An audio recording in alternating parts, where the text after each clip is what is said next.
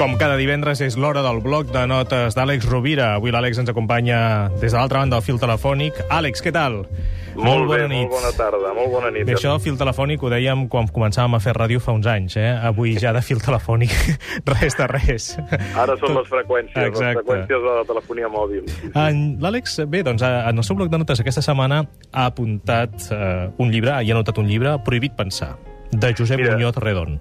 Exactament. Volia parlar d'un llibre ben en les vacances i sempre és interessant tenir llibres in intel·lectualment estimulants i que ens convidin a, a pensar, a reflexionar, a qüestionar-nos allò que és important. Hi ha un llibre fantàstic, molt, molt, molt bo, que l'ha escrit un filòsof català, Josep Muñoz Redon. Jo l'he trobat en castellà, em fa l'efecte que no està en català, es diu Prohibido pensar, parásitos versus catalizadores del pensamiento. I recomano, recomano realment amb, amb convenciment i amb vehemència a les amigues i els amics que ens escolten que, que llegeixin aquest llibre, que el comprin i que el llegeixin o que el vagin a buscar a la biblioteca, mm, perquè és molt inspirador. El, en Josep Muñoz Reón ens convida a veure quins són els paràsits del pensament, què és allò que ens inhibeix, i a la vegada quins són els, els estimuladors, els catalitzadors de com podem pensar bé. I dintre d'aquest context eh, té un capítol molt interessant dedicat a la indecisió, Gaspar. I pensava que, degut en els moments que ens belluguem ara, de, de canvi, de crisi, d'incertesa, hi ha moltes persones que estan en situacions d'indecisió. I m'agradaria traslladar algunes de les reflexions que ens fa en Josep Muñoz Redon en el bloc de notes d'avui, si et sembla bé. Doncs magnífic. Parlem d'aquesta indecisió, recordant als oients que vam parlar del dubte ja fa uns mesos amb Seixa, amb qui l'Àlex Rovira va tenir l'oportunitat sí. de compartir un magnífic debat, eh, i, i ell precisament estava molt en contra del dubte, no? Deia que la naturalesa, la vida, no és dubte, no? És cert, i és, és lògic i és normal i és natural que de vegades no sabem què, podem, què hem de decidir, no?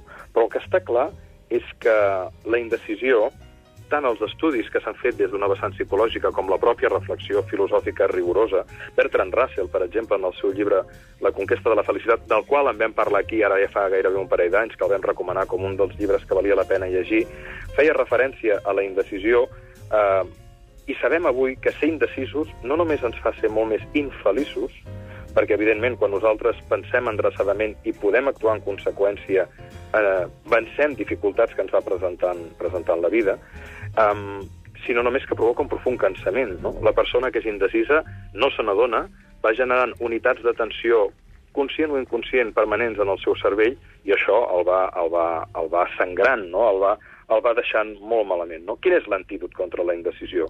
Doncs intentar pensar bé, dialogar, raonar. Recordem que la paraula crisi comparteix etimologia amb crítica i criteri, no? Que interessant, no?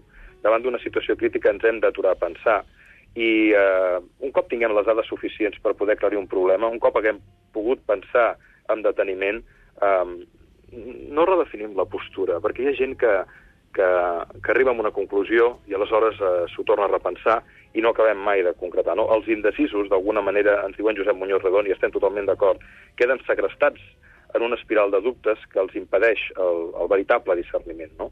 I, evidentment, aquestes eh, distorsions cognitives eh, tenen un efecte pervers, és a dir, i a la vegada benèfic, si decidim, anem perdent la por al fracàs.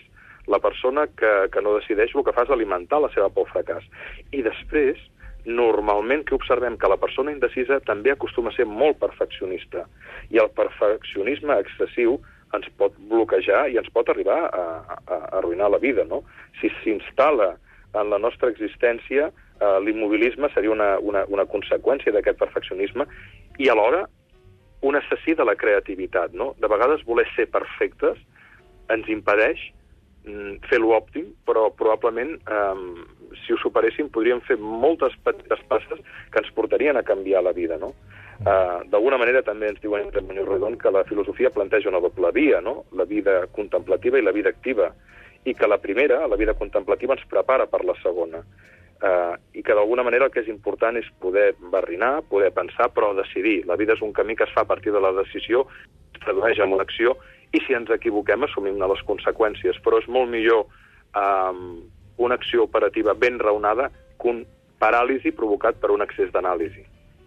Aleshores, tu series partidari de la petita acció per arrencar com a antídot. Exacte. Evidentment, eh, prèvia una, una reflexió, no? però la vida és, és acció, és creativitat, és moviment, és pensament, és criteri.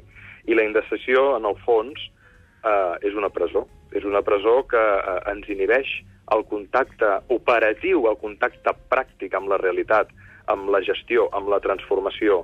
Cal que hi hagi un equilibri entre el pensament, l'emoció i l'acció. Recordem que ho hem dit més d'un cop, no? La transformació de l'existència passa per combinar quatre variables que han de ser operatives. Voler, l'actitud, en primer lloc, és fonamental, una bona actitud, una bona disposició, una actitud positiva, orientada a l'acció transformadora, uh, saber tenir coneixement, un raonament adequat, saber pensar bé, saber analitzar bé, saber raonar bé. Aquí el llibre del, del, de l'amic Muñoz Redona ens ajudarà moltíssim, és un, és un regal, realment. Um, per tant, dèiem actitud, voler, pensament, saber, habilitat, fer, i finalment visió, tenir una visió, un horitzó, cap on anem, no? Uh, que té molt a veure amb trobar un sentit a la vida.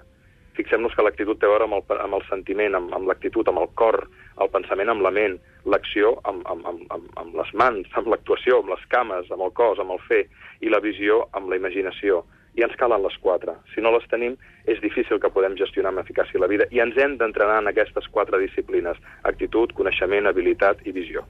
És el bloc de notes de l'Ofici de Viure, cada divendres amb Àlex Rovira. La setmana que ve acabem. S'acaba la temporada de l'Ofici sí. de Viure i l'Àlex ens acompanyarà a l'estudi.